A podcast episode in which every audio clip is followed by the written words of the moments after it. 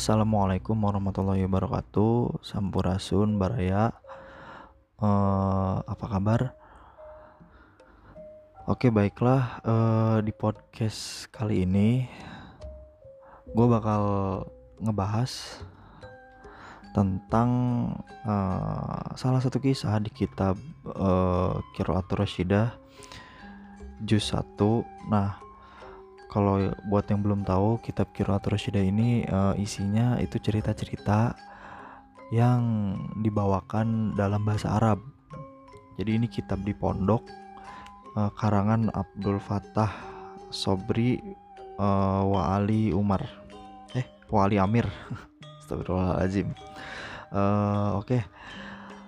Uh, cerita yang bakal gue bawain sekarang itu judulnya asyaru bisyari yang artinya keburukan dibalas dengan keburukan. Ya bahasa sekarangnya sih karma ya bahasa populernya. Nah kisah ini bisa ditemuin di kitab Kirat Rasyidah juz, juz 1 halaman 61 ya halaman 61 nanti bisa dibaca di situ. Itu untuk yang kitab aslinya sih yang bahasa Arab uh, kalau yang kalau mungkin ada terjemahnya juga kurang tahu tapi gue bakal bawain bahasa Indonesia nya oke kita mulai ya. Jadi uh, kisah ini dimulai ada seorang anak miskin duduk di jalan duduk di pinggir jalan ya sambil makan roti. Terus tiba-tiba ia melihat seekor anjing sedang tidur dari kejauhan. Nah ia pun memanggilnya dan merentangkan tangannya, menjulurkan tangannya itu yang sedang uh, memakan roti yang lagi megang roti. Nah, uh, sampai-sampai si anjing itu tuh ngira bahwasannya ia akan memberikan sepotong rotinya itu. Nah, jadi si anjingnya ini pokoknya uh, dikira mau ngasih roti yang dipegang si anak itu tuh maka mendekatlah anjing itu untuk mengambilnya.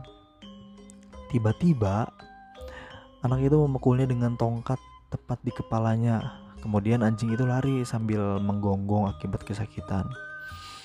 Nah, di waktu yang sama ada seorang laki-laki yang melihat dari jendela rumahnya. Jadi di situ ada rumah, di situ ada anak kecil. Nah, di rumah itu uh, ada seorang laki-laki yang ngelihat si anak kecil tadi. Si anak kecil yang mukul ke si anjing tadi. Uh, kemudian uh, si lelaki tadi memanggil anak kecil itu. Dan sembari memanggil si lelaki tadi tuh nyembunyiin tongkat di belakang apa di belakang punggungnya. Nah kemudian uh, si lelaki itu ngasih uang receh ke anaknya itu ngasih uang receh ke si anak tadi dan anaknya itu bergegas mau ngambil nih. Udah tangannya udah menengadah. Nah tiba-tiba laki-laki itu mukul anak kecil tersebut uh, pakai tongkat yang dibawanya tadi yang disumputin di belakang uh, pinggangnya. Nah pukulan itu membuat si anak itu menjerit lebih keras daripada gonggongan si anjing yang tadi. Nah kemudian anak itu nanya, kenapa kamu mukul aku? Padahal aku belum minta apa pun dari kamu. Nah lelaki itu pun menjawab, lantas kenapa kamu memukul anjing tadi? Padahal ia belum meminta apa pun darimu. Balasan atas sesuatu adalah sesuatu sepertinya.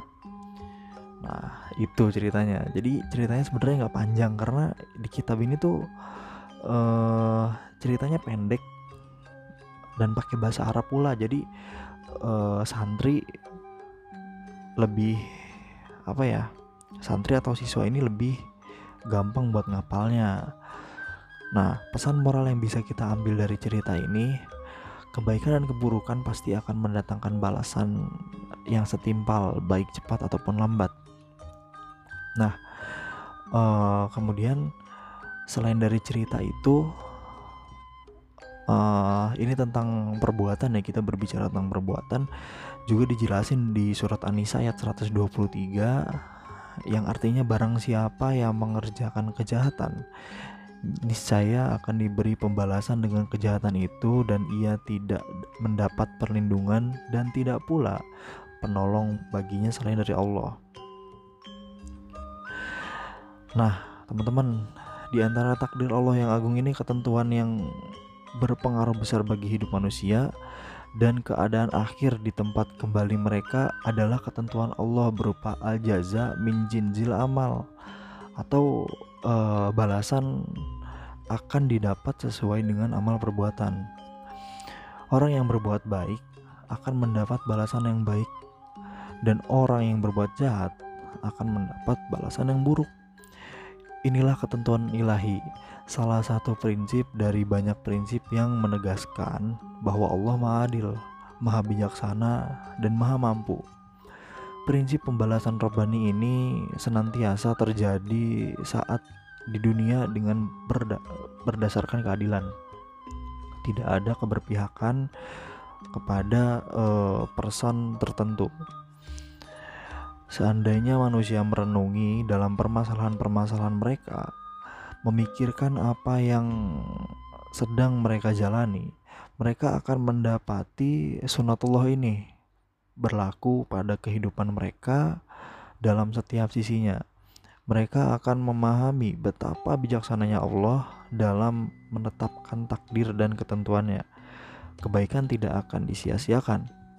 Perbuatan dosa tidak akan dilupakan. Dia yang memberi balasan kekal selamanya. Sebagaimana kamu melakukan sesuatu, maka kamu akan mendapatkan balasan yang setimpal.